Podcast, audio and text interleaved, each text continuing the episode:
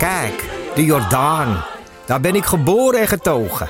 De nieuwe Nederlandse musical Onze Jordaan van Diederik Ebbingen is dit najaar in de theaters te zien. Koop nu uw kaarten op onzejordaan.nl. Nou, uiteindelijk heb ik ook de naam genoemd, Mark Overmars. En toen hebben we lang over gesproken. En toen zei ik, heb je dat nou zelf ook wel eens meegemaakt? Ja, ja, ook zelf meegemaakt.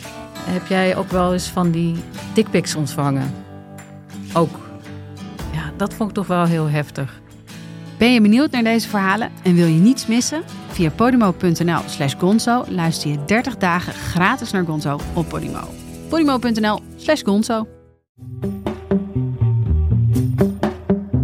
Hallo en welkom bij een speciale podcast van de Groene Amsterdammer voor de zogenaamde Paradigma-reeks. Mijn naam is Joost de Vries, ik ben adjunct hoofdredacteur van de Groene en uh, heb het voorrecht met namens de Groene samen met uitgeverij Atheneum Palak en Van Gennep na te denken over de Paradigma-reeks. De Paradigma-reeks is een serie, zomaar ontstaan eigenlijk, uh, waarbij we klassiekers uit de filosofie, de journalistiek, de ecologie, biografie, noem maar op, opnieuw uitbrengen.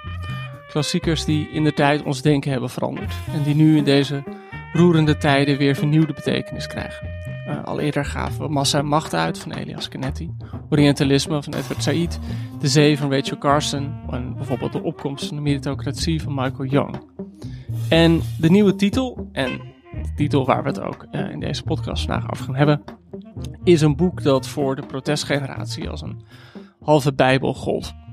En we hebben het over de studenten in de jaren 60 die de universiteitscampussen in Parijs en San Francisco bezetten, die pleinen bezetten, die op alle mogelijke manieren hun stem lieten gelden. En die demonstreren tegen de Vietnamoorlog, tegen het woekerende kapitalisme, tegen schijndemocratie, tegen Mercedes-Benz, tegen Coca-Cola, tegen heel veel dingen. En midden in dat protest was er één filosoof die sprak over schijnverlangens. Uh, die door reclames in ons hoofd werden geprent. Uh, door een verpletterend kapitalistisch systeem. Dat ons door smoke and mirrors steeds verder verwijderde van wie we zijn en wat we echt zouden willen. En dan heb ik het over Herbert Marcuse met zijn boek, gepubliceerd in 1964, De eendimensionale mens. Nu dus opnieuw uitgegeven. Als het goed is, verschijnt hij vandaag in de winkel. Uh, en ik ga het daarover hebben met twee mensen. Uh, de eerste schreef de inleiding bij dit boek, dat is Thijs Leijster, universitair docent kunst- en cultuurfilosofie aan de Rijksuniversiteit Groningen. Hij publiceerde uh, onder meer De Grote Vlucht Inwaarts, Kijken, Proeven, Denken en het meest recent, wat we gemeen hebben. Allemaal hele fijne essaybundels waarvan we volgens mij wel de meeste ook hebben voorgepubliceerd. Thijs? Ja, of gerecenseerd. Ja, of gerecenseerd. Of we hadden ze moeten voorpubliceren. een, van, een van die dingen. Fijn dat je er bent in ieder geval. En uh, aan de andere kant naast me zit Marion Donner, onze columnist, auteur van het zelfverwoestingsboek. En voor Nieuw Licht schreef ze, is het vorig jaar of het jaar daarvoor alweer? Uh, uh, vorig jaar. Vorig jaar, oké. Okay, sorry, de tijd gaat soms zo snel. Uh, schreef je De Grote Weigering. En dat was een uh, ja, Nieuw Licht-serie, is inderdaad ook zo'n serie waarin je um, oude teksten van Nieuw Licht voorziet. Uh, waarbij je dus ook over Marcuse een eendimensionaal uh, mens schreef. Uh, Marjan, die zei net al van dat we in de geest van Marcuse eigenlijk niet moeten knippen en plakken in deze podcast. Ja. Dus dat dat gewoon als we gewoon kussen of de telefoon gaat of... Uh, hoezo is dat, de geest, is, is dat de geest van Marcuse? Ja, dat is misschien een beetje mijn interpretatie ja, daarvan. Okay. Maar hij, waar die zich wel tegen verzet is een productieapparaat wat al maar efficiënter wordt, waardoor de spullen makkelijker naar binnen glijden en alle frictie wordt weggehaald.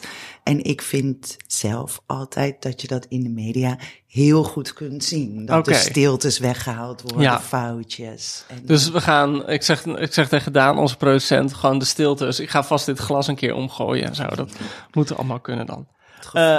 Ja, gevloek. heel, heel veel gevloek. Ja. Um, Thijs, om gewoon de ultieme beginnersvraag uh, bij jou te stellen. Uh, Marcuse komt uit de Frankfurter Schule. Hoe moeten we de Frankfurter Schule precies zien? Ja, die, die naam Frankfurter Schule, dat is een, een label dat eigenlijk pas later geplakt Ja. is op een, op een groep uh, uh, Duitse denkers. Uh, maar wat die gemeen hadden met elkaar was dat ze allemaal verbonden waren aan het zogenaamde uh, Instituut für Sozialforschung uit Frankfurt, vandaar die naam. Dat was in 1923 opgericht, dus 100 jaar geleden, dit jaar. Um, en daar zijn een, een, paar hele beroemde denkers uit voortgekomen. De beroemdste zijn denk ik naast Marcuse, Horkheimer en Adorno. Walter Benjamin, Erich Fromm. Uh, en dan zijn er nog, uh, nog een heel aantal andere. Uh, die begonnen dus in 1923 dat, dat instituut. en dat was vooral in eerste instantie bestemd om na te denken over wat, er met, wat we nou met die arbeidersklasse aan moeten. Uh, die revolutie die wil maar niet uitbreken. En die arbeiders die uh, uh, bestrijden niet het kapitaal, maar die gaan elkaar te lijf in ja. allerlei wereldoorlogen. Of die lopen achter fascistische leiders aan. Zoals en, Harry Mulisch in Ontdekken van de Hemel op een gegeven moment boos zegt... de arbeiders hebben de intellectuelen in de steek gelaten. ja, precies. Ja. ja. En dat was dus een, een, een uh, probleem van hoe, hoe, hoe kan dat, hoe zit dat? Uh, en, en daarvoor, uh, om, om, om dat probleem op te lossen, of althans te, te onderzoeken, vulden ze eigenlijk Marx aan met Freud. Hè? Dus na, naast de economische en politieke analyse ook een, een laten we zeggen, sociaal-psychologische analyse. Uh, en daar is denk ik Marcuse een, een uh, heel duidelijk voorbeeld van. Daar zullen we misschien later nog wel uh, verder over spreken. Want, want um, hoe formeel was die? Het punt is natuurlijk, als, als zodra iets een school heet, dan denk je bijna dat er een soort van één duidelijke lijn in zit. Alsof ze allemaal uh, hetzelfde curriculum schreven met z'n allen. Zo moet je denk ik niet zien?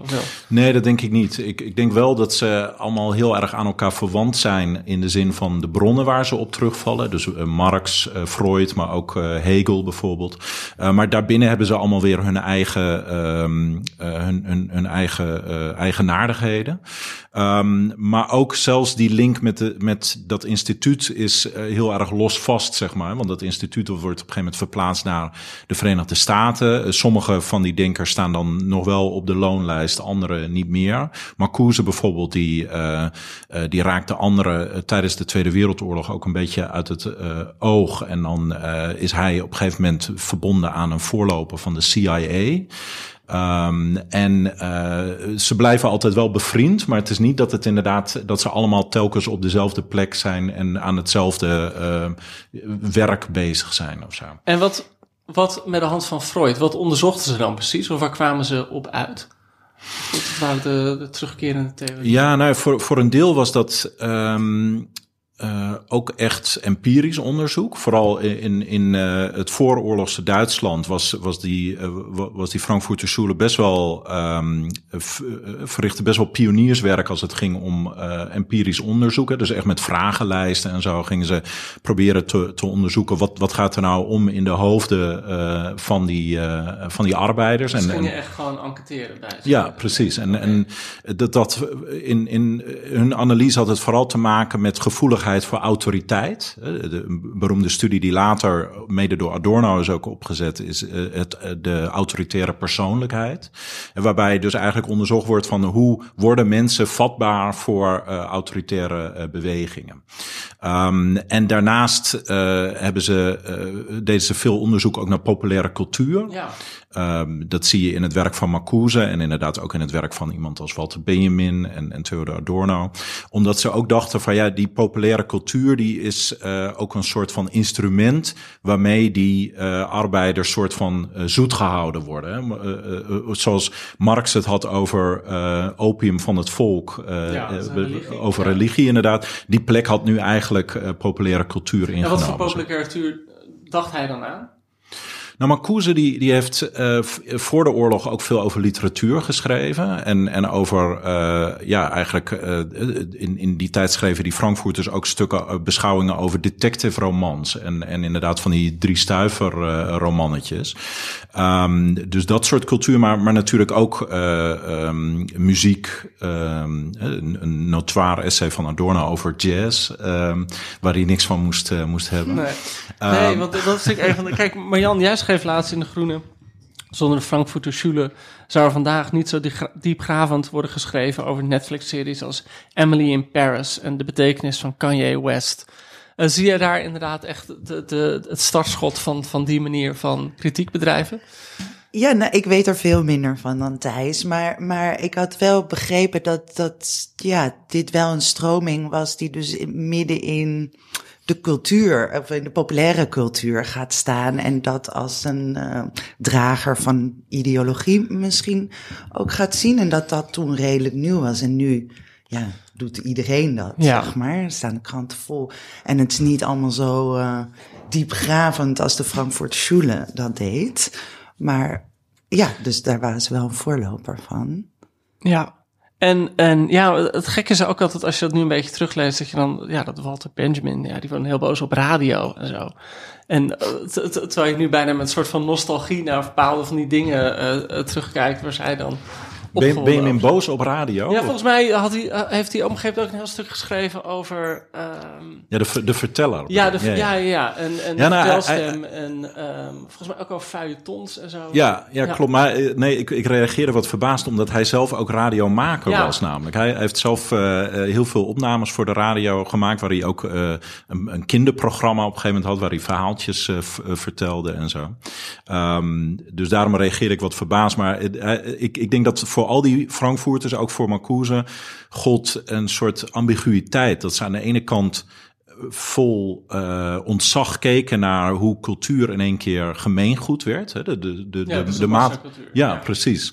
En daar zagen ze ook enorme, eh, een enorm eh, soort van emancipatoire eh, potentieel hè, om, om massa's te bereiken. En tegelijkertijd in de uitwerking daarvan, hè, dus wat, wat er daadwerkelijk gebeurde met die massacultuur, daarvoor zagen ze, daar, daar zagen ze toch vooral manipulatie aan het werk. En dat. manipulatie van wie? Nou ja, voor, in, in wezen van iedereen. Hè? Want, want ik, ik had het tot, tot nu toe over die arbeidersklasse. Maar een van de dingen die die Frankfurters ook zeiden... en dat, dat komt in Marcuse's eendimensionale mens heel duidelijk naar voren... is dat ze het ook hebben over dat, dat hele klasseonderscheid... eigenlijk steeds minder eh, relevant wordt. Omdat ehm, de arbeidersklasse eigenlijk helemaal geïntegreerd wordt... in, eh, in dat kapitalistisch systeem. Dus eh, de, de, de arbeider die krijgt het beter. Hè? Die, die, Ja. kan, die kan nu ook een, een televisietoestel en een, Ja, eh, en een, ja, precies. Ehm, en en eh, daarmee eh, verdwijnt dus eigenlijk ook die hele klassenstrijd zelf uit, uit de samenleving. En Terwijl ongelijkheid zelf is, is natuurlijk niet verdwenen. En, en, en onderdrukking en manipulatie. Dus die, die, die ehm, negatieve werkingen, die negatieve krachten zijn nog allemaal aanwezig. Maar de, de soort van eh, agent die, die, Ja. die dat omver zou kunnen werpen, die arbeidersklasse, die is, die is eigenlijk niet meer aanspreekbaar, zou je kunnen zeggen. Ja, En- ingekapseld. Ja, Toch? Ja. ja. Ja, als iedereen, er zit zo'n stuk in ook, als ze allemaal naar dezelfde muziek luisteren en bij wijze van spreken de rijken ook wel eens bij de H&M shoppen, dan, dan, eh, ja, dan krijg je een soort massa van zelfde verlangens, zelfde angsten, waardoor het onderscheid dus inderdaad opgeheven wordt. Ja.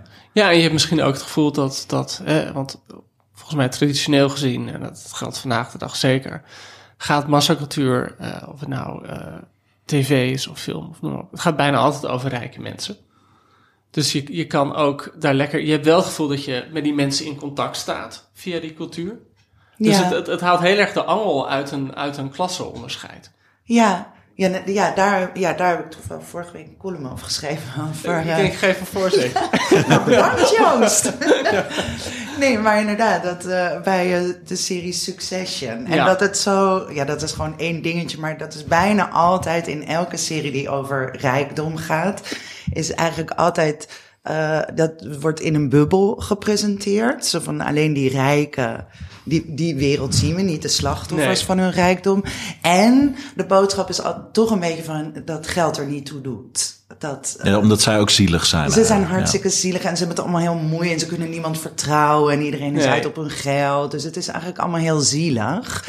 En ja, wat is dat geld nou eigenlijk allemaal als je vader niet van je houdt? Dus dat is toch wel een, ehm, ja, een, een, een boodschap die daarin mee wordt genomen die vrij koesthoudend Ja, zeg ja want bij. Succession kijk je naar zeg maar de 1% van de 1%. Ja, En je denkt alleen maar van wat een zielige mensen. Ja, gelukkig heb ik wel Ja, vrienden. ja, en oké, ik En- heb dan geen boot, maar je Ja. hoeft ook niet echt een boot. Ja, en tegelijkertijd kun je je wel verlekkeren aan hoe hun huizen eruit zien en de kleren die ze dragen. Dus, dus het, het, het heeft het beste van het is twee een soort kanten. spektakel wat er opgevoerd wordt. Ja. Hey Thijs, hoe paste Marcuse in deze school? Of hoe schoot hij, hoe schoot hij eruit? Want eh, ik denk dat we moeten zeggen dat natuurlijk in de oorlog eh, die school uit elkaar spatte. Eh meerdere mensen overleefden niet, Benjamin natuurlijk. Eh, en Marcuse ging al voor de oorlog naar Amerika, toch? Zeg ik dat goed? Ja, eh, dat, dat gold eigenlijk voor, voor de meeste van die Frankfurters. Hè. Dus Fromm, Horkheimer, Adorno, Marcuse, die gingen allemaal ehm, eh, in, eh, in ballingschap eh, naar, naar de Verenigde Staten. Ehm, Het bureau werd door de nazi's gesloten, toch? Ja, dacht ik. Ja, inderdaad. nee, ja. In Dus niet 1933 uit direct bij de... eh, volgens mij werd het zelfs eh, hoofdkantoor van de NSDAP eh, Oh ja, in dat Ja. gezellig. Maar hoe beviel Amerika hun dan? Want ik bedoel, als je, als je hè, met, met zo'n blik naar cultuur kijkt, en, dan is Amerika nogal een sprong. Ja, Eh, ja, zeker nee. Amerika van de jaren 30, waar, waar, waar wat alles draaide om ja, gewoon productie en geld en meer en groei en, Ja. en de, de zonnige toekomst. Ja, nou ja, kijk, eh, die, die Frankfurters die waren, eh, die, die kwamen niet eh, zeg maar van het platteland, dus ze waren wel wat gewend. En Frankfurt was natuurlijk Ja, ook wel echt een, echt een wereldstad. Maar ik denk wel die, die inderdaad die mate van. ehm, eh, van kapitalisme en, en ook die invloed van, van eh, populaire cultuur, dat zal voor hen wel een, een cultuurschok eh, geweest zijn. En eh, zeker inderdaad het, het, beroemde hoofdstuk ook van Horkheimer en Adorno over de cultuurindustrie, wat, wat ze eigenlijk op steenworp afstand van, van Hollywood Ja. hebben geschreven in Los Angeles. Dat is daar echt de neerslag van.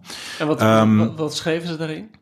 Nou ja, ik- een van de dingen. ehm, Ik moet zeggen dat jij, eh, misschien leuk voor de lezer, jij werkt nu aan een elementair deeltje. Eh, dat, dat zijn van die eh, smalle kleine boekjes waarin heel helder iets heel ingewikkelds wordt uitgelegd. En jij bent nu aan het schrijven over de Frankfurter Schule. Ja, toch? ja, klopt. Ja, dus ja en, en sowieso heb ik soms de neiging om ook terug te vallen op, op Adorno, om, om, omdat ik mijn proefschrift over Adorno en Benjamin schreef en, ja, en nee, ehm. Marcuse er eigenlijk later bij gedaan. ja. Maar in elk geval, die- dat hoofdstuk over cultuurindustrie, eh, al- alleen het woord cultuurindustrie is eigenlijk al interessant. En dat is denk ik iets wat wij niet meer goed kunnen horen eigenlijk. Omdat voor, voor hen, voor die Frankfurters, waren de termen cultuur en industrie eigenlijk eh tegenpolen. Hè? Want Ja. in cultuur draait het om eh, spontaniteit, vrijheid, schoonheid. En industrie, dat draait om efficiency, eh, meetbaarheid, calculeerbaarheid. Ja. Precies, ja. Uh, en wat zij eigenlijk beweerde in dat hoofdstuk over cultuurindustrie is dat nu ook de cultuur helemaal ge, efficiënt geproduceerd wordt. Hè. Dus op dezelfde manier als uh, Henry Ford zijn automobielen van de lopende band laat, laat rollen. Zo gebeurt dat nu ook in Hollywood en in Tim Pen Alley met, met de populaire cultuur. en dat is denk ik iets wat, wat voor hen op dat moment zeker een, een shock was. Ik denk, want je vroeg van hoe springt Marcuse eruit? Nou ja, één, één interessant ding is natuurlijk dat Marcuse in Amerika bleef na de uh, Tweede Wereldoorlog, terwijl uh, Horkheimer en Adorno terugkeerden. Waarom dus, bleef hij? Ja, ik, ik weet dat niet exact, maar ik, ik, ik denk dat hij daar toch ook een. Uh, uh, een, een, een vrijheid genoot en een soort toekomst voor zichzelf uh, zag die hij misschien niet in, in Duitsland zag. En, en ik denk toch, hè, dat, dat gold natuurlijk ook wel voor meerdere Duitsers, dat ze uh, dusdanig gedesillusioneerd waren ook door wat, wat, er, wat er gebeurd was, dat, dat, ze, dat ze daar ook eigenlijk gewoon niet meer ja, naar terug wilden keren. Naar een land dat in tweeën was geknipt. Ook dat, ja, ja, ja, inderdaad, ja. En misschien uh, nog om, om één ding aan te vullen waar hij er uitspringt, denk ik, ten opzichte van, van zijn collega's. Thematisch gezien is dat hij, denk ik, nog meer dan de anderen over, um, over technologie heeft geschreven. Ik bedoel, dat zie je ook wel bij Horkheimer en Adorno, maar bij, bij Marcuse zie je dat iets, iets specifieker en, en iets uitgebreider.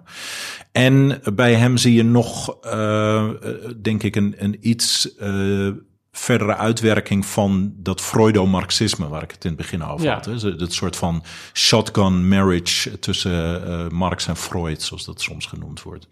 Ja, en, en eh, ja, sorry dat ik dat van die, van die eh, leg nog eens uit eh, vragen stel. Maar hoe ziet, die, hoe, hoe ziet dat bij hem eruit? Of misschien moeten we nu gewoon maar naar de eendimensionale mens toe gaan. Want dat schreef hij in 64. Dus hè, nog geen twintig jaar na de oorlog. Ik neem aan dat het, het boek voelt voor, voor mijn gevoel heel erg aan... toch als een soort van culminatie. eh, een soort van het, het, het, eindpunt van, al, van alle dingen waarmee hij bezig is geweest. Het is natuurlijk echt zijn magnum opus.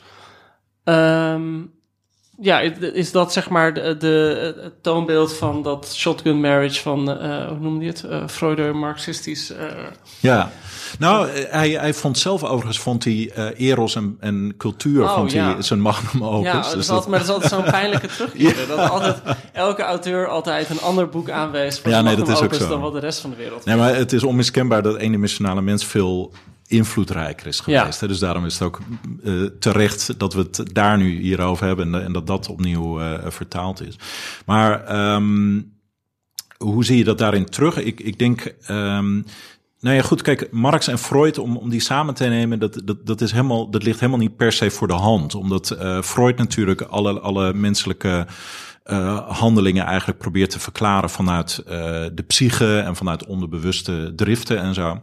Terwijl Marx eh, het doet vanuit materiële en economische motieven. Dus eigenlijk passen die helemaal niet goed bij elkaar. Maar de, de, eigenlijk wat, wat, wat Marcuse doet, is dat hij ehm, eh, eh, een, een Freudiaanse lezing van Marx en een marxistische lezing van Freud geeft. Hè. Dus, dus eh, Marx eh, die denkt dat eh, als we die arbeidersklasse maar overtuigen van hun materiële belangen, dan, eh, dan zullen ze die eh, revolutie wel, eh, wel ontketenen. Eh, terwijl eh, met Freud kun je eigenlijk laten zien van ja, maar mensen worden niet alleen maar door rationele keuzes gedreven. Er zijn allerlei verlangens en, en, en eh, eh, eh, verbeeldingen die, eh, die ook een enorme drijvende kracht hebben voor, eh, eh, voor mensen en zeker voor grote groepen mensen. in je inleiding schrijf je... Marx sprak van vervreemdende arbeid. De arbeid beschikt niet meer over zichzelf tijdens het arbeidsproces... en kan pas zichzelf zijn als hij niet werkt. En Marcuse stelt dat we ook in het domein van de vrije tijd... steeds meer vervreemd raken. De consumptiemaatschappij creëert telkens nieuwe behoeftes en verlangens... producten die we willen hebben en dromen die we willen ja- najagen. Eh, kan je zeggen, eh Marjan, ik ben ook benieuwd wat jij ervan... dat wat, wat eh, het grote onderzoeksobject van Marcuse eh, rationaliteit is. Of wat we denken dat rationaliteit is. Ehm, Ja, misschien zou ik die vraag... een hele lange stilte nee, nee, ja, dat- vallen. dat- dat- Eh, nee, ja, ik vind wel, ik vind, dus hij heeft een aan, in een eendimensionale element zitten een aantal speerpunten. Eh, en één daarvan is de irrationaliteit van de gevestigde rationaliteit. Zeg mijn favoriet. ja, nee, ik, ik weet dat je als helemaal opleeft als Ja, het daarover gaat. Dat vond ik zo'n eye-opener. En ook omdat bedoelt je hij dat daar precies mee? alleen nog maar meer bent gaan zien. Nou, op zijn allersimpels gezegd, dus dat eh, ehm, eh, ja, een, een, een rationeel wereldbeeld eh, eh, wa- waarin we de wereld of de werkelijkheid eigenlijk samenvatten in data, in cijfers, in statistiekjes. En dan kunnen we dat onderzoeken. En ik zeg nu heel oppervlakkig, maar hij voert dit helemaal terug tot Aristoteles en Plato, waar eigenlijk al het denken over wetenschap gaat. Probeer het kort te doen. ehm, over de beïnvloeding van materie. Dat, dat, eh, dat, dat wij alles als materie zien. En wat gebeurt er als het opwarmt? En wat gebeurt er als ik het hier vanaf laat vallen? Ja. En dat, daar zit hij in één lange lijn naar, naar een werkelijkheid die dus opgedeeld wordt. ehm, nou, uiteindelijk in data en stu- En dat is een rationeel wereldbeeld, want dan kan je Ja. gewoon, en dat zie je dus nu ook de Ja. hele tijd, dat zijn de feiten. Ja, we- Eh, de feiten is, wat onderzocht is. Ja. Ehm, en dat kan extreem irrationele gevolgen hebben. Dus, eh, dus, dus eh, ja, mijn favor- ook weer favoriet voorbeeld, maar uh, mijn oma zit in een verzorgingstehuis en kwijnt daar weg, want uh, het personeel krijgt vijf minuten ja, de om, tijd om de sokken haar aan te trekken. Ja, ja, of om haar onder de douche te zetten. Um, en je denkt, hoe kan dit? Waarom zijn we in een wereld beland waarin we zo met ouderen omgaan? Ja. Maar dat is alleen maar vanuit rationaliteit en efficiëntiegedachte van het, want daar zit een bedrijf achter en die moet winst maken, dus die maakt alles zo, uh, die wil overal de kosten van afhalen. En dan krijg je dus uiteindelijk ja, ook arbeid die dus al heel erg opgedeeld wordt in, je, de huisarts krijgt vijf minuten om te praten, want die moet. En dus een hele irrationele wereld. En in mijn beleving lopen we daar voortdurend nu tegenaan. Dat mensen denken, hoe kunnen we in een wereld leven waarin de toeslagenaffaire Groningen. Ik maak nu heel groot. Ja, nee, nee, maar het idee dat, dat hè, alle politici nu opeens zeggen van ja, we moeten naar de menselijke maat, is natuurlijk eigenlijk om te zeggen we zijn de menselijke maat uit de gaten uh, Ja, verloren is- door een soort is- van efficiëntiedrang. Ja, die is kwijtgeraakt in eh, efficiëntiedrang inderdaad. En in al die cijfers en statistieken die moeten laten zien hoe je de boel kan optimaliseren. Dus maar je begon volgens mij over...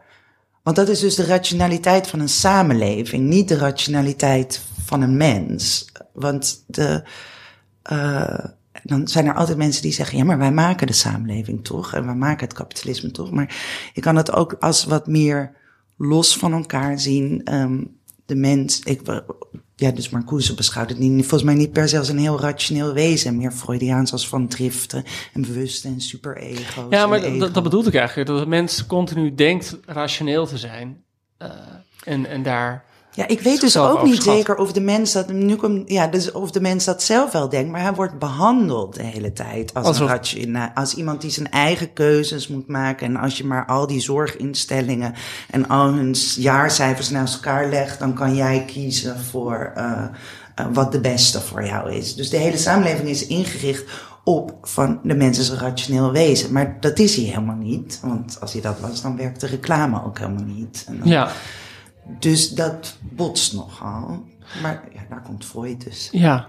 Leggen we dit zo goed uit? Ik weet niet, hoe- jij zit wel te knikken, dus dat, Ja, dat- ja, ja. dat is bemoedigend. Ja. Ja, nee, absoluut. En- nou ja, goed. eh, ik bedoel, dat, dat, ehm, ook, ook daarin komt denk ik die ervaring van, eh, van de Tweede Wereldoorlog eh, mee. Dat eh, natuurlijk eh, eh, die Tweede Wereldoorlog en überhaupt eh, beide wereldoorlogen... dat waren in de ogen van die Frankfurters ook niet een soort van spontane eruptie van geweld of zo. Want dat, dat, dat was, eh, eh, het geweld wat plaatsvond was allemaal heel erg gecalculeerd en berekend en technologisch, ehm, hoe heet het, mogelijk gemaakt. Hè? De, de, het- waren natuurlijk oorlogen die op een hele technologische manier gevoerd werden. Eh, en en in, inderdaad, het summum daarvan zou je kunnen zeggen, was natuurlijk de Holocaust zelf. Hè, wa- waarin er heel precies berekend werd van hè, die, die trein moet zo laat daarheen en, en zo laat aankomen. En zo, hè, wa- waarin, waarin inderdaad hè, op, een, op een soort fabrieksmatige manier natuurlijk een, een genocide gepleegd werd. Ja. En ehm, hij schrijft ook uitgebreid, Marcus schrijft ook uitgebreid over hoe de mens in zijn denken niet vrij is. Of tenminste, hoe die op allerhande mogelijke manieren wordt gemanipuleerd. Ehm, en dan komt hij, misschien is dat een goed moment om die term eendimensionaal uit te leggen. Wat bedoelt hij daar precies mee? Ja, ja dat eendimensionale, dat, dat heeft een aantal verschillende betekenissen in het boek. Of, of eigenlijk, hij, hij past eh, het, het op verschillende niveaus toe. Want eh, het, het eerste is waar we het eigenlijk al over hebben gehad, namelijk dat, er, dat die klassenstrijd eigenlijk ver- verdwijnt. Dus dat, dat een soort van eh, georganiseerde maatschappelijke tegenstand Ja. tegen eh, eh, het heersende systeem, dat dat er niet meer is. Hè, waar, waar dat er in de 19e eeuw in de vorm van eh, arbeidersbewegingen, noem maar op, nog wel was, is dat verdwenen. Eh, Dat, dus, dus in dat opzicht is de samenleving eh, eendimensionaal geworden. Maar daarbovenop ehm, eh, is de samenleving ook eendimensionaal geworden in de zin dat we ons niet eens meer een ander, andere wereld kunnen voorstellen. En daar gebruikt je ook de term ehm, het gelukkige bewustzijn. Ja. Dat is een, een variatie eigenlijk op eh, Hegel, hè, die het over het onglückliches eh, bewustzijn had als, als eh, een, een bewustzijn dat eigenlijk verscheurd is tussen wat, eh, wat is en wat zou kunnen zijn. Hè? Dus uh, je, je bevindt je in een bepaalde situatie. Je weet dat het, uh, dat het anders kan of anders moet. En, daar, en, en daardoor daar, daar komt uh, dat ongelukkige bewustzijn vandaan. En dat is volgens Marcuse eigenlijk, dat, dat wordt er helemaal uitgestampt eigenlijk. Hè? Omdat je eigenlijk voortdurend wordt geconditioneerd dat de situatie zoals die is eigenlijk wel, wel prima is of zo. En, en hoe wordt dat eruit gestampt? En door wie? Nee, dat wordt er, wordt er dus vooral. Um, nou ja, in, in de eerste plaats denk ik wordt het eruit gestampt door ieder alternatief als het ware uit te sluiten. Dus eigenlijk het, het verhaal van There is no alternative, ja. wat natuurlijk pas later met uh, Thatcher kwam. Dat, dat was eigenlijk ook al, daar, daar schrijft Marcuse eigenlijk ook al over in de jaren zestig, dat, dat, dat, dat dat er eigenlijk niet is. Maar volgens mij niet zozeer uit te sluiten als in, in te kapselen. Ja. Toch dat een tegenbeweging, de scherpe randjes daar eigenlijk afgehaald worden. Dus ook in de jaren zestig de vraag van we willen eigenlijk een hele nieuwe wereld. Um, uh, zonder kapitalisme. Dat, dat wordt, dat, ja, dat, daar gaan de scherpe randjes van de andere samenleving gaan daar vanaf. En dan, uh, maar een beetje het rebelse blijft. En dan kan je hier rebelse kleren daar kopen. Ja. En dan, uh, ja, als je een spijkerbroek aantrekt. Dan, exact, dan voel je je nog steeds uh, die demonstrant. En zo, dat is een inko. En daar, ik vind dat heel mooi. Want in, in de eendimensionale mens verwondert Marcuse zich daar ook bijna over. Zo van, hoe kan dat toch dat die kracht zo groot is dat die tegenstand dus altijd ingekapseld wordt. En, en als het echt te radicaal is, als de scherpe randjes er zeg maar niet meer af kunnen, dan wordt het wel weggezet. Dan is het irrationeel, onhaalbaar, ja, fantasieën over een betere toekomst, maar dat kan natuurlijk allemaal helemaal niet. En zo wordt het onschadelijk. Ik moet altijd denken aan die laatste aflevering van Mad Men. Ja. Waarin ja. Hè, een reclamebureau in de jaren zestig dat, dat uh, zich moet verhouden naar de tegencultuur. En het eindigt ermee dat ze de Coca-Cola reclame bedenken. Waarin gewoon allemaal hippies Coca-Cola gaan verkopen ja. in feite. En dat die hele tegenbeweging ja, gewoon het speerpunt van het kapitalistisch verdienmodel geworden ja, is. Ja, en er is een fantastische documentaire van Adam Curtis hierover. Zes over, die, over die reclame? Nee, niet over die Oh, reclame, sorry. maar wel over die omwenteling van de, van de, de Century of the Self. Ja. Uh, hoe het kon dat een beweging van hippies die vrijheid voor iedereen wenste. Uh, ja, veranderde in een beweging die vooral eigen vrijheid Ja, zocht. volgens mij heeft daar zo'n prachtige term. ehm, socialism in one person. Ja, dat op ja. een gegeven moment. Ja. Ja. En gaat het ook over hoe al die hippies eh, de grondleggers zijn geworden van... Ja, sorry hoor, dit is een beetje... Dit, dit, dit even besides the point, maar ik ben dan wel benieuwd. Gaat dit ook over hoe al de hip... Hoe het ook zo ironisch is dat zeg maar zoveel van die hippie-idealen... nu in Silicon Valley zijn te vinden. Wat, Ja. wat natuurlijk de meest kapitalistische plek ter wereld geworden Ja. is. Ja, nou, dat, maar dat vind ik dus sowieso een fa- fascinerende omkering van hippie-idealen. eh dat waar ooit links eh, vroeg om of zijn eigen mediakanalen opzetten of communes in eh, Afghanistan ging wonen.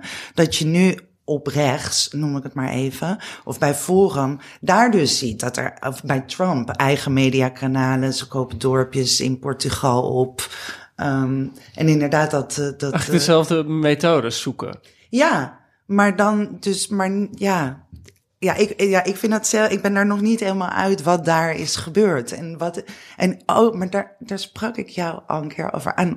Daar wil ik het wel graag een keer over hebben. Hoe het kan dat uh, veel wat door Forum wordt gezegd, van de mens wordt een slaaf gemaakt eh, van, uh, van autoritaire krachten. De media is niet te vertrouwen. Het is allemaal propaganda-apparaat. Is, is ook wel, komt toch ook wel. Uh, niet één op één, maar het zit ook wel in Marcuse. Vooral Maar dat, is, uh, tot slaaf gemaakt. Maar natuurlijk zonder dat ooit dan het woord kapitalisme valt. hè? Het is ja. dus kapitalisme Ja. kritiek zonder kapitalisme eigenlijk. Exact, ja. Dus het is daarmee ook heel oppervlakkig. En de mediakritiek is ook altijd heel oppervlakkig. Want het is gewoon, ja, van, oh, ze willen niet meer dat we jongens en meisjes zeggen. Nou, maar, maar, maar, maar, dus ik zou, zelf zou ik dan denken van, oh, uh, Thierry Baudet moet wel een groot fan van Marcuse zijn. Maar dat dus helemaal niet. Forum houdt bijeenkomsten om het kwaad van de Frankfurter Schule uh, te bespreken in elitaire groepjes in de bossen, waarna ze gaan rugbyen met z'n allen of zo. En ik denk steeds, hoe kan dat nou? Maar dat is misschien gewoon wel omdat ze dat niet aan dat kapitalisme kritiek willen. Ja, en, en omdat het in hun ogen natuurlijk ook de grondleggers van woke en uh, uh, politieke correctheid en, en noem maar op. Uh, Cultuurmarxisme natuurlijk, Ja. letterlijk. Ja. Ja. Maar zou je dat ook zeggen, dat ze dat zijn? Dat de Frankfurter Schule... Nee, dat, dat denk ik niet. Maar, Nee, maar, maar, maar in, in, in, die, in die complottheorie van het cultuurmarxisme eh, eh, zijn de Frankfurters natuurlijk het, eh, de Ja, bron van alle echt de, kwaad. de grote boosdoeners. Ja, Maar waarom dan? nou, Want zij hadden ook heel veel kritiek op beeldcultuur en, en de media. En, ja, Ja, nou ja, en ook, ook de eerste die eh, cultuur als politiek zo Ja. nadrukkelijk zijn. ja, dus Ja, Thijs. Sorry, we zitten nu echt zo allemaal naar jou te kijken. Nee, in, in, eh, dat doen we er wel aan denken dat in een van de meest bezopen versies van die eh, cultuurmarxisme eh, complottheorie, dat er wordt beweerd dat Adorno eigenlijk de liedjes van de Beatles geschreven heeft om, om de westerse cultuur naar de knoppen te helpen. Kennen jullie, maar nu wordt het heel erg... Maar, maar ken, kennen jullie de- die geweldige podcastreeks van eh, Patrick Radden O'Keefe, eh, journalist van New Yorker, over Wind of Change? Ja, ja, ja. Ja, dat oh, is- dat is En dat, fantastisch. dat is het geweldige, het is echt een, een geweldige podcastserie. eh, waarin hij de theorie probeert te achterhalen. Of hij probeert te achterhalen of die theorie klopt. Hij heeft het via via. Dat de CIA dat nummer van de Scorpions Wind of Change heeft, heeft geschreven. Ja, Eh, om daarmee een soort van impuls te geven aan het eh anticommunisme van de jaren tachtig. Maar in die podcast, volgens mij zit in die podcast ook dat Nina's en optredens van Nina Simone in Afrika, eh, dat die helemaal georganiseerd door de CIA waren. En dat is wel echt. Nee, nee, dat, dat is het dat interessante is echt ook. Dat, zo'n bizar verhaal. En het, uiteindelijk gaat hij een biertje drinken met de zanger van de Scorpions. Die dat nummer geschreven heeft. En zegt, ja joh, ik heb het toch echt geschreven. Maar hij geeft allemaal voorbeelden van, van rockbands die dan gaan toeren door het Oostblok. Betaald door de CIA. Ja.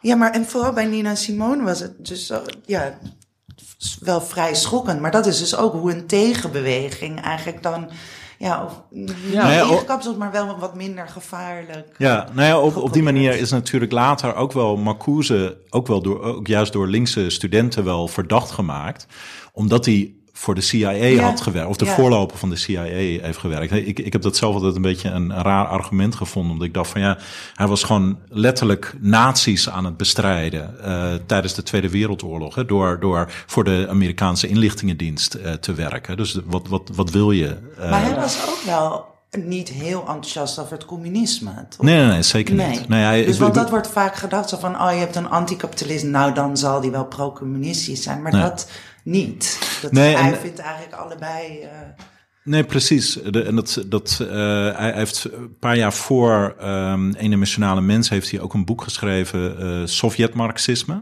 Waarin hij eigenlijk, op de- zoals hij in Eendimensionale Mens de kachel aanmaakt met het westers kapitalisme, zo maakt hij daar de kachel aan met het, het Sovjet-Marxisme. Eh, omdat hij dat dus een. Eigenlijk vindt hij beide. heeft hij het over twee vormen van totalitarisme. Ja, dat, dat vroeg me af. Want hij noemt in de, de ene mensen noemt hij ook het Westen een totalitair regime. Ja. Wat bedoelt hij dan precies? Nou ja, kijk, hij, het, want het klinkt als een, als een hyperbol natuurlijk. Hè? Van, hoezo leven we in een totalitair eh, regime? We kunnen toch vrij over straat, we kunnen toch kranten lezen, noem maar op. Ehm, maar wat hij, wat, hij, ook direct zegt is van ja, als ik zeg totalitarisme bedoel ik niet een soort van ehm, eh, terroristisch bewind à la het Sovjet, de Sovjet-Unie of eh Nazi-Duitsland.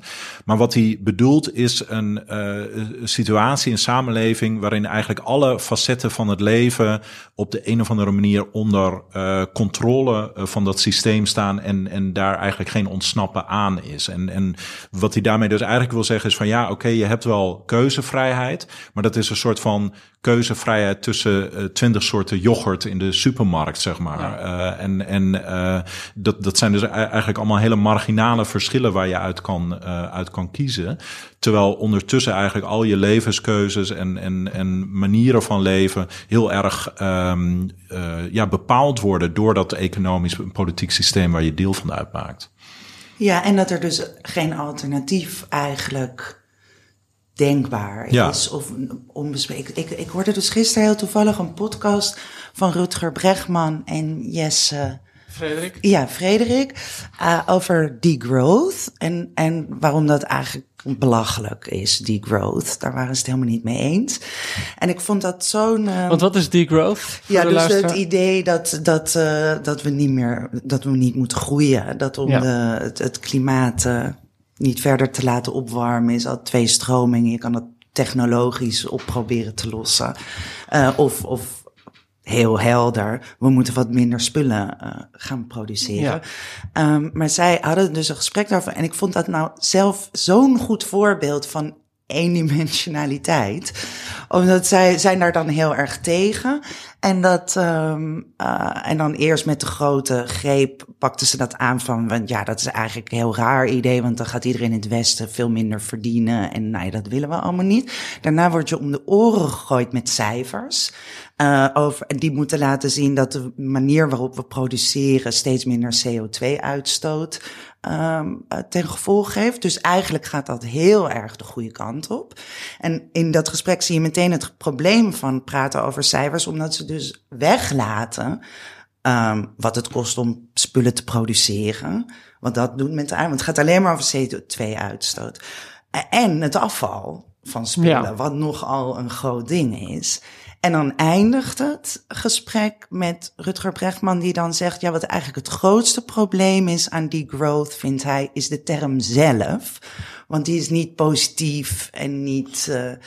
niet- nou ja, Balkenende zou zeggen: heeft niet die VOC-mentaliteit, is niet leuk. En, en daar, dat inspireert de mensen. Oh niet. ja, ja. En zo zie je dan dat iets helemaal, ja, met niet goede argumenten en met cijfers en met een gevoel van, Ja. ja, dat moeten we gewoon niet willen, want niet groei. Ja, Ja, dat niet inspirerend. Nee, ja. niet inspirerend. En dan beginnen ze ook nog, ze doen een beetje alsof fast fashion niet zo'n groot probleem is. Dat kan zo weg, maar let op wat het ons allemaal hebben gebracht. Want we zitten lekker warm met de kachel thuis. En dus het, dat, dat laat zo'n denkrichting zien, ehm, ja, die dus een, het alternatief een beetje belachelijk maakt ook. En maar wel, noemen reeksen en reeksen cijfers, waardoor dat allemaal heel geloofwaardig klinkt. En dan inderdaad op een gevoel. Ja, dat vond ik een goed huidig voorbeeld van eendimensionaliteit, waarin je dus helemaal binnen het systeem eigenlijk blijft. Ehm, uiteindelijk werkt Marcuse toe naar de grote weigering. Wat is dat precies? Wat weigeren we? Of wat, wat schrijft hij voor als weigering? En is dat de antwoord, het antwoord op de eendimensionaliteit? Je kijkt me al naar aan. Jullie mogen, ik weet niet wie die vraag wil beantwoorden. Ehm, zoals ik het heb begrepen, ja, is de weigering. Hij, hij besteedt er niet zoveel woorden aan. Ehm, ik heb zelf begrepen dat dit in andere boeken uitgebreider aan bod komt. Het is hier eigenlijk, ja, sumier, maar het eindigt er ook wel mee. Is de, de weigering tegen dat wat bestaat. Eigenlijk is uh, dus de wereld zoals die is. Um, uh, om dat af te wijzen. En dus te denken, het hoeft niet dat gelukkige bewustzijn ook te doorbreken. Hij gelooft zelf dat. De, ik, ik ken mensen die, die Marcuse wel positief vinden, maar ik vond het zelf vrij pessimistisch boek, omdat hij heel weinig uitweg eigenlijk ziet uit, uit het systeem. Maar de enige kans die er nog is, uh, komt van de buitenstaander eigenlijk. Dus niet meer van het, prolet het klassieke proletariaat, maar van de mensen die buiten deze samenleving staan. Dus probeert iedereen eigenlijk in te kapselen, maar er zijn een paar mensen die niet mee mogen doen. En die dus inderdaad ook niet profiteren van die hogere levensstandaard en van die fijne consumptiemaatschappij. Exact, ja. ja. ja. Dus dat zijn arme mensen. Hij noemt zelf mensen van kleur uh, in de jaren zestig nog invalide mensen. En dat zijn eigenlijk de mensen die de binnenstaanders nog kunnen laten zien dat, zoals hij volgens mij zegt, het spel vals is opgezet. Dus zij geven nog een soort beeld van, oké, okay, er klopt iets niet in uh, deze wereld, hoe we die hebben ingericht. En daar ligt dus uh, de, de, de bevrijding. Ja, ja. Zie jij dat ook zo? Ja, nee, zeker. Dat, dat is volgens mij, uh, dat, klopt helemaal. En, en dat pessimistische, dat, dat zie ik ook wel. Dat het eigenlijk een best wel pessimistisch boek is. Hè, hoewel in, in die laatste delen er een soort van sprankje hoop overblijft. En, maar je, moet denk ik ook altijd in het achterhoofd houden dat het boek inderdaad in 1964 uh, gepubliceerd is. Dat het eigenlijk voor die hele generatie van, van 68 uh, uh, uh, werd, werd geschreven. En dat het in, in die zin heel ironisch is dat, dat een boek wat zo pessimistisch is, juist de inspiratiebron is, is geworden voor zo'n enorme tegenbeweging, die eigenlijk volgens dat boek zelf niet mogelijk zou zijn. Ja, Ja, ja. De- dus ja, daar, daar zit een. ook wel. Ja, want hij is zelf ook wel nog hoopvol. Ja. Hij hij eindigt ook al van, van het in ieder geval nooit opgeven. Een soort plicht is het ook om, Ja. om hoopvol te zijn. Ja, exact. En dat verlangen en geloof dat het wel anders kan en dat het beter kan. En, en natuurlijk is het ook denk ik niet toevallig dat, dat die eh, protestbeweging voortkwam, eh nou ja, deels inderdaad uit de burgerrechtenbeweging, zoals, zoals je al noemt, en natuurlijk eh, voortkwam uit studentenbewegingen. Dat en, en studenten, de, de reden waarom studenten vaak zo eh, wa- waarom daar een soort wolk van, van radicalisme omheen hangt, komt natuurlijk ook omdat die eigenlijk nog niet echt aan het leven begonnen zijn. Nee, hè? Die hebben ja. die, die stropdas nog niet, eh, nog niet omgebonden en die hebben En nog geen hypotheek. huis en, en auto, inderdaad, waar eh, eh, zelfs al de zouden ze dat soms ja. eh, willen.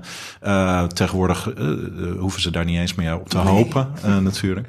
Die auto, die willen ze natuurlijk niet. Ah, ik zie onze producent een beetje eh, suf kijken, arme Daan. Eh, ja, dus die studenten, die, die, ja, omdat ze nog niet begonnen zijn... Maar ik bedoel, het is natuurlijk ook wat je nu in, in universiteiten ziet. Ja, Als het nu over het woke discours gaat of wat dan ook. Ik bedoel, het is ook heel logisch dat het zich daar afspeelt. ja. Want het zijn gewoon jonge mensen. Ja, en, en het, het is denk ik in die zin wel een, een verschil met de soort bewegingen waar Marx over schreef. Want Marx die had het natuurlijk over de uitgebuite eh, arbeiders. En ik denk dat juist in de jaren zestig was de strijd in die zin ietsje anders. Omdat het toen niet meer zozeer ging om van, oh, eh, we worden uitgebuit en we verdienen niks meer.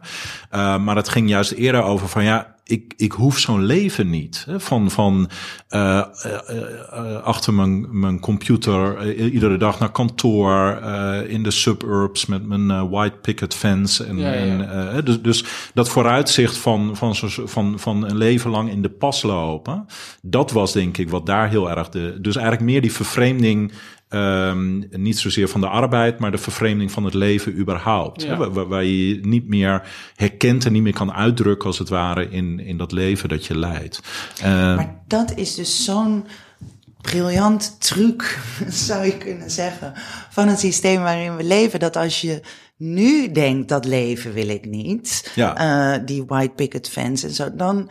Dat kan bijna helemaal niet, omdat je zoveel geld kwijt bent alleen al om ergens te wonen, dat je wel een baan moet hebben. Ja. Of, of liefst in loondienst met zekerheden. In de jaren zestig kon je gewoon nog voor een appel en een ei ergens eh, in Amsterdam aan de gracht wonen.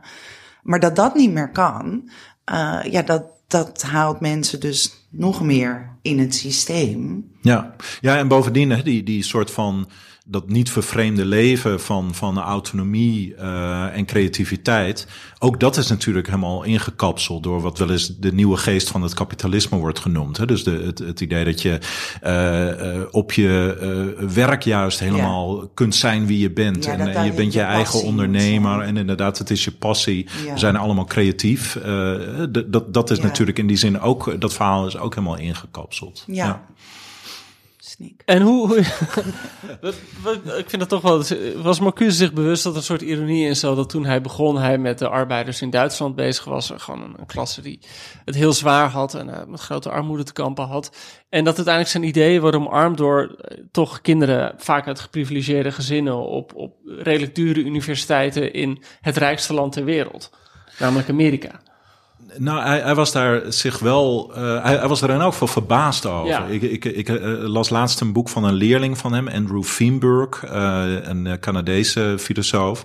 En die, die heeft recent een boek over Marcuse geschreven, waarin hij ook fijn wat herinneringen ophaalt. En een van de dingen die hij inderdaad ook zegt, is, is dat Marcuse eigenlijk best wel overvallen was van dat succes. Hè? Want er zijn 300.000 exemplaren van dat boek verkocht. En, en terwijl het inderdaad, zoals, zoals Marianne eerder zei, het, het is geen, geen lichte kost om nee, te het lezen. leest niet eh, echt lekker soepel. Nee, weg. precies. Maar het, het, het, het sloeg dus in als een bom. En, en Marcuse die, die, had, die, die voelde zich ook wel wat onwennig met, met die, eh, zijn nieuwe status als eh, superster, zeg maar. Omdat dat natuurlijk ook een soort van medialogica was waar hij heel erg tegen, eh, Ja, want tegen We schreef. gingen in de groene, moesten, we foto, moesten beelden uitzoeken om jouw stuk te illustreren. En die komt inderdaad alleen maar van die foto's tegen.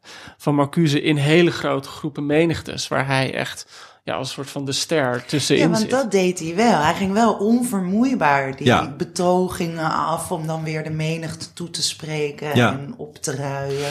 Ja, en, en ook dat is wel weer een vers- groot verschil met, met eh, Adorno en, en eh, ook Horkheimer in, eh, in Duitsland. Want, want die eh, schrokken daar eigenlijk heel erg van terug van die, van die studentenbeweging. Die zagen ook gevaar van, eh, van het, het geweld wat met die demonstraties kwam kijken. Terwijl Marcuse eh, toch, eh, toch inderdaad die, die beweging wel omarmde en, en, en die echt een warm hart toe, toedroeg. Maar zo- is hij, ook, is hij ook anders gaan kijken naar die grote weigering?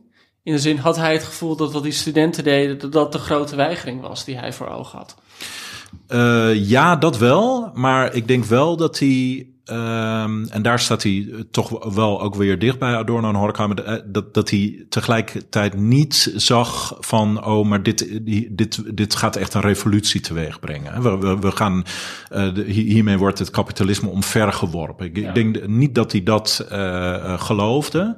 Ehm, maar ik denk wel dat hij. ehm, eh, een, een bepaalde cultuurverandering eh, mogelijk zag. En, en een ander ding, wat, wat we nog niet genoemd hadden met die verschillende groepen die ehm, die, die, die eh, zag als, als dragers van die grote weigering. Ik denk dat hij ook heel duidelijk een soort van link zag met eh, de niet-westerse wereld. En, en dat daar juist ook inspiratie uit te halen viel. Hè? Dus bijvoorbeeld in de, in de eh, Vietnamoorlog en het protest tegen de Vietnamoorlog. Dat zag hij ook heel erg als een soort van eh, beweging eigenlijk van buiten, die juist dan in de westerse wereld weer zorgt voor ehm, eh, onvrede over dat, dat eh, ja, wereldsysteem als het ware. Ik had ook ergens gelezen dat hij wel studenten ook gewaarschuwd heeft om dat studenten niet zelf gingen denken dat ze er eigenlijk al waren. Ja. Dat dit de revolutie was. Ja. Dat hij zei, dit is nog een soort van, nou, we zitten nog niet eens het begin, we zitten voor een begin. Ja, En dat is wel een. eh, dat, ik, s- soms zou je dat nu ook kunnen zeggen: dat, dat als de revolutionaire spirit eh, je bevangt, dat je te snel kan denken dat je ergens al bent. Of Ja. zo. Of van: oké, de Black Lives Matter. Dus dat hoor ik. Ja, ik ben dus ook wat cynisch geworden door Marcuse. Van als het dan gaat zo van: nou, de Black Lives Matter beweging heeft zoveel teweeg gebracht. En nou, toch ehm, de wereld veranderd. Ja, dat valt nog te bezien. Want het, de- een, een, ehm, een systeem is ook heel goed in het weer terugveren. Dus in het even die energie opnemen, zich volblazen en dan eh, er weer uit. In de jaren zestig had je de Black Panthers, waarvan Angela Davis nog Ja, een eh student leerling van van hem was, Marcuse ook was. Dus dat beïnvloedt elkaar ook weer. ja, het is natuurlijk dat elke beweging ook zijn tegenbeweging krijgt. Ja, En, en die soms harder kan zijn. Ik bedoel, dat is altijd gewoon de, de grote ironie van, van 68. Dat zeg maar hele conservatieve figuren als Nixon en, en eh, de Gaulle en ik geloof in Nederland de KVP, ja, gewoon redelijk makkelijk de verkiezingen wonnen. Ja, en maar dat Eh, komt dus- ook, dat heeft er ook mee te maken dat de staat gewoon vrij hard ingrijpt. Of de, het politieapparaat, zeg maar. Dat wat in de jaren zestig is gebeurd. Reagan die heeft er trouwens nog eigenhandig voor gezorgd dat Marcuse ontslagen werd. Hè? In, Is dat zo? In, in de laatste jaren dat hij ja, aan de Universiteit van Californië. eh, Want Reagan was toen, eh, denk ik, Gouverneur de gouverneur van, van, eh, Californië. Californië, En ja. hoe heeft, wat heeft Reagan gedaan dan? Ik weet, ik weet niet exact hoe dat zit, maar, maar er er was op dat moment al een soort van alliantie tussen Reagan en de eh, christelijke conservatieven. Ja. En, en op de een of andere manier eh, is het ze dus gelukt om Marcuse uit, eh, eh, eh, ja, eh, uit zijn, zijn baan eh, te krijgen. Dat was een, een, volgens mij een jaar of twee voordat hij ook eh, met eh, pensioen zou gaan. Maar, eh, ja. Censuur. Zo gaat dat. Ja, de powers that be Ja. slaan dan terug. Ja, Maar, Marjan, in jouw essay, eh, in die nieuwe lichtreeks, De Grote Weigering, eh hij deed altijd een dichtregel van Menno Wigman aan. maak kapot wat jou kapot maakt. En eigenlijk trek je een lijn van Marcuse naar ook de antifaxers en de flat earthers en de QAnon-aanhangers. Hoe had je dat precies bedacht? Nee, maar in de grote weigering is het maar één alinea of zo. Maar voor de groene heb ik toen een stuk. eh, Ja, ja, nee, je hebt dat, voor de 4000 groene heb je het heel erg uitgewerkt, Ja, inderdaad. dat dat vond ik heel fijn. Ja, wat ik dus Stuk. eerder zei. eh, ah, nee, ja, ik moet nu wel even goed nadenken. Ja, dus, dus de, die dichtregel van Menno Wigman blijkt een, een soort rally cry, wist ik niet, rally cry uit de jaren zestig te zijn. Maak kapot wat jou kapot maakt. Ehm eh, kwam ik achter door ingezonden brieven. Eh, vriendelijk ingezonden brieven. Ehm, maar ik vind dat zo'n mooie zin. En ik, ik heb dus, eh, ja, dus het, het was maar een theorie in- in dat stuk. Maar dat ik dacht van ja, dat is dus met die irrationaliteit van rationaliteit. Dat je een wereld ziet die gewoon, ja, waar die niet klopt. Waarin echt veel eh, onrecht eh, is. Zoals in, in, in de bejaardenverzorg, verzorging of op het moment, weet je, kinderen die niks meer. Of eh, het onderwijs wat slechter wordt. leraren die hun werk niet meer. Leerlingen, eh, pubers die massaal allemaal met depressies kampen en, en noem maar op. Ook, Die ja. duidelijk niet in een systeem zitten waar ze nou echt gelukkig van worden. Nee. Ja, ik was laatst ook op een, eh, op een avond ergens en er waren veel voormalig linkse mensen en die stemden nu allemaal Forum ongeveer. Eh, maar waar die zich het meest druk over maakten, waren armoede in Nederland. eh, De, de, de, de ziekenhuispersoneel wat nergens meer tijd voor heeft. De juf en meesters die nergens meer tijd voor hebben. Dus dat zie je dan allemaal. Uh, de irrationele rationaliteit van de wereld waarin we leven. Maar ja, hoe, of waarom uh, kan je niet precies je vinger opleggen. En toen dacht ik, ja, misschien is het dus gewoon heel Freudiaans is dat dan, dus maar onbewust, dat je dan um, uh, uh, ja, daar iets tegenover probeert te zetten. Dus wat je ziet bij die anti-vaxxers is ook dat het zo, zo, ze hameren zo op niet meetbare waarden als liefde of moederhart of voor de kinderen. Of, uh, dus dat gaat in tegen en die zweverigheid of dat nieuwe spiritualiteit Ja, ja. doet het daar ook heel goed. En dan is nu de kwantummechanica wordt ingekapseld, maar dat is een ander verhaal.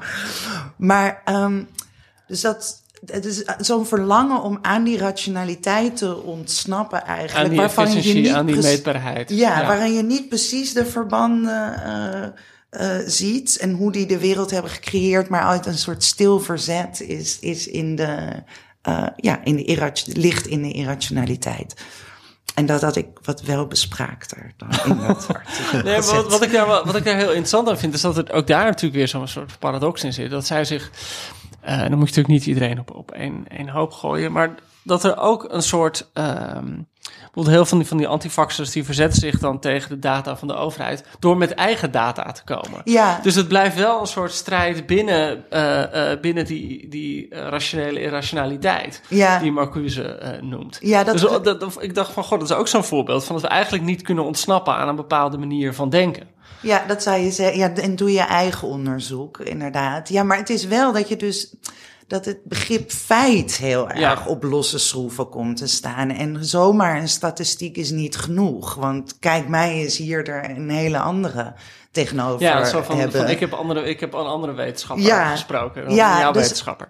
En wat het dus doet, ehm, het haalt dus ook heel erg ja, die rationaliteit onderuit eigenlijk. Waar we toch vrij genoegelijk eerst in zaten met nou, een feit is een feit. En eh, eh, ja, wat de statistieken zeggen kloppen. En eh, dat wordt nu toch door wappies, noem ik ze even, mag, mag volgens veel mensen niet, maar wordt dat een beetje op losse schroeven eh, gezet.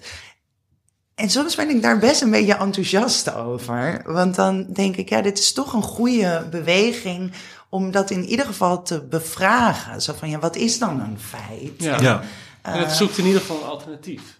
Nee, het, het, het doet me ook wel denken aan dat er natuurlijk ook wel politieke partijen aan eh, ter linkerzijde zijn geweest die op een gegeven moment gewoon weigerden om hun plannen te laten doorrekenen door het, eh, eh, door het planbureau. hè? Om, om- Ja, om, omdat dat natuurlijk ook weer zo'n soort van uh, meetbaarheid veronderstelt van, Ja. van politieke uh, ideeënstrijd, die er in heel veel gevallen helemaal niet uh, Nee. is. En dat was dus, nu bedenk ik, daar ging mijn stuk ook over. Dat was zo teleurstellend in corona. Dat je daar dus tijdens de corona-epidemie, daarin zag je ook dat alles eigenlijk in cijfer, heel beleid was, werd in cijfers gevat. Zo van de R-waarde is nu dit, het aantal ja. IC-bedden is nu dit. Heel letterlijk. En daarom gaan we nu dit doen.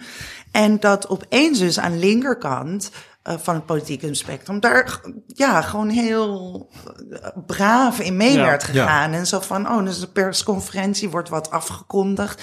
Nou, en, en, dat, en dat mensen die daar vragen bij stelden of zeggen, ja, wat is dit? Of met hun eigen cijfers kwamen, echt weggezet werden als eh idioten. En dat was wel een dermate felle reactie, vond ik, van, eh, eh, van ja, de, de gegoede linkse klasse.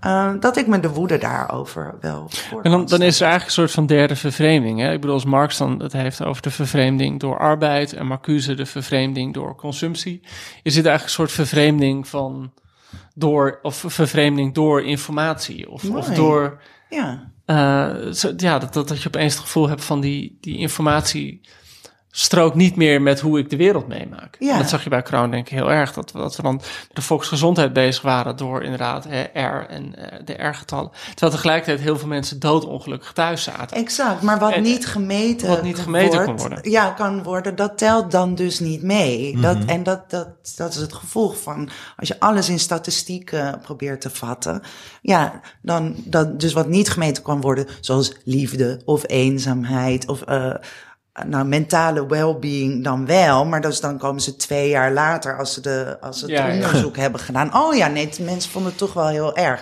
Maar ze hadden ook naar mensen kunnen luisteren, want Ja. er werd al gezegd, ehm, ik vind het heel erg, bij wijze van spreken. Dus ehm, ja, En Thijs, waar zie jij Marcuse nu nog meer terug vandaag de dag? Ja, nou ja, we, hebben het, ik, die technologiekritiek, ik denk dat die nog, nog altijd heel, heel relevant is. Hè? Als het bijvoorbeeld gaat over de um, manier waarop uh, algoritmes en, en uh, gadgets on, onze levens beheersen, dan, dan is dat denk ik een, een vorm van kritiek waar je veel met Marcuse kan. Maar wat ik, wat ik zelf vooral ook heel interessant vind wel, is die, um, is die nadruk die hij legt op uh, uh, verlangens en de, en de politieke invloed of de politieke dimensie ook van, van verlangens.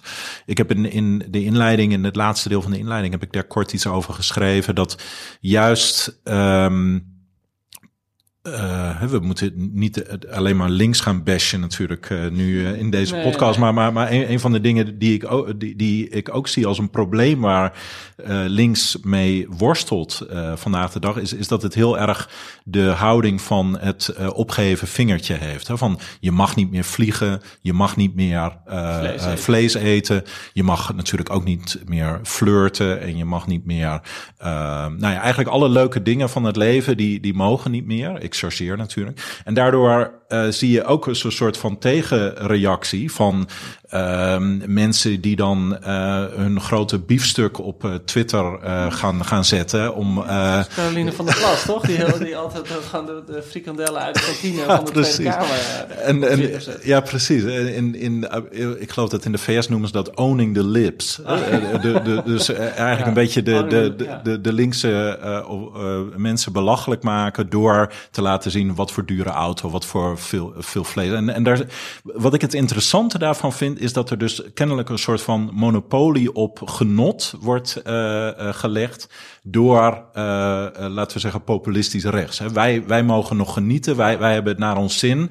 En aan de andere kant zitten al die verzuurde linkse types. En ik denk dat je met Marcuse in de hand eigenlijk heel, um, heel goed een soort van uh, tegenbeweging daar, daarmee zou kunnen in gang zetten. Waarin je juist laat zien van uh, we, we, de, het, het is juist aan links om dat genot terug te, te pakken eigenlijk. En, en daarmee ook.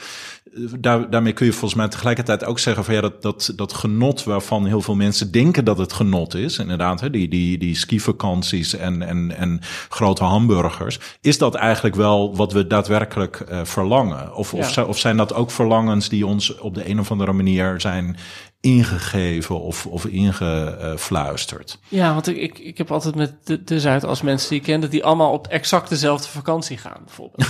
Eh, vier keer per jaar. Dat je ook denkt van, wil je dat dan? Of wil je die vakantie omdat iedereen die vakantie lijkt te willen? Mhm. Uh, dus, dus dat eigenlijk links het, het, um, de ware verlangens moeten zien terug te brengen. Ja, en, en, en de, dat, is, dat is ook denk ik iets waar, waar je bij jezelf inderdaad denk ik heel goed te raden kan gaan van ja, waarom, waarom wil ik X eigenlijk. Ja. Uh, en ik bedoel, Marcuse die maakt ook direct duidelijk van ja, je kan nooit een, een hele strikte streep trekken tussen kunstmatige en authentieke verlangens. Uh, maar het, überhaupt het, het onderscheid daarvan onderkennen en, en daarop reflecteren, dat is denk ik heel, heel en, belangrijk. En hoe, hoe moeten we dat doen? Is dat iets dat iedereen bij zichzelf moet doen? Is het, of moeten we daar allemaal Marcuse voor lezen? Of, of... Nou, voor een deel is dat inderdaad iets wat je, wat je bij, waar je bij jezelf te raden kan gaan. Maar ik denk een ander heel belangrijk aspect daarvan zit hem juist precies in, uh, in reclame. En, en in het feit dat. Um, dat je verlangens, dat, dat je eigenlijk voortdurend op je verlangens, op dat niveau van verlangens wordt aangesproken, um, maar telkens uit uh, commerciële overwegingen. Uh, en als die uh, zouden. Ik, ik, ik zou me afvragen van wat zou er gebeuren als reclame gewoon van, van vandaag op morgen helemaal verboden wordt. Hè? Op internet, op in de openbare ruimte. Uh, hoe zouden we dan uh, gaan nadenken maar over wat, wat, we, wat we willen? Ja, daar schrijft hij ook over, kort in de eendimensionale mens. En, en volgens mij zegt hij dan dat de, dat de mens eerst helemaal in een soort zwart gat van wanhoop terechtkomt. Ja. Oké. Okay. ja. What's happening? Je moet opeens je wordt niet meer afgeleid. Dus in de stad, bijvoorbeeld als daar alle, of, alle openbare reclame verdwijnt. Je hebt niks meer om naar te kijken, maar dan mensen. Uh, uiteindelijk, dus, maar dan uh, op dat gat kan gebouwd gaan worden daarna, inderdaad. Dus eerst de wanhoop en dan kan je erachter komen. Ja. Wat je misschien je eigen gedachten gaan vormen. Maar dat is wel steeds een ding in Marcuse, volgens mij. Want is het wel mogelijk om in de wereld zoals die nu is ingericht, om daaraan te ontsnappen? Kun je bedenken wat je echt wil, zolang er overal reclames hangt, zo, je de dingen leest die je leest?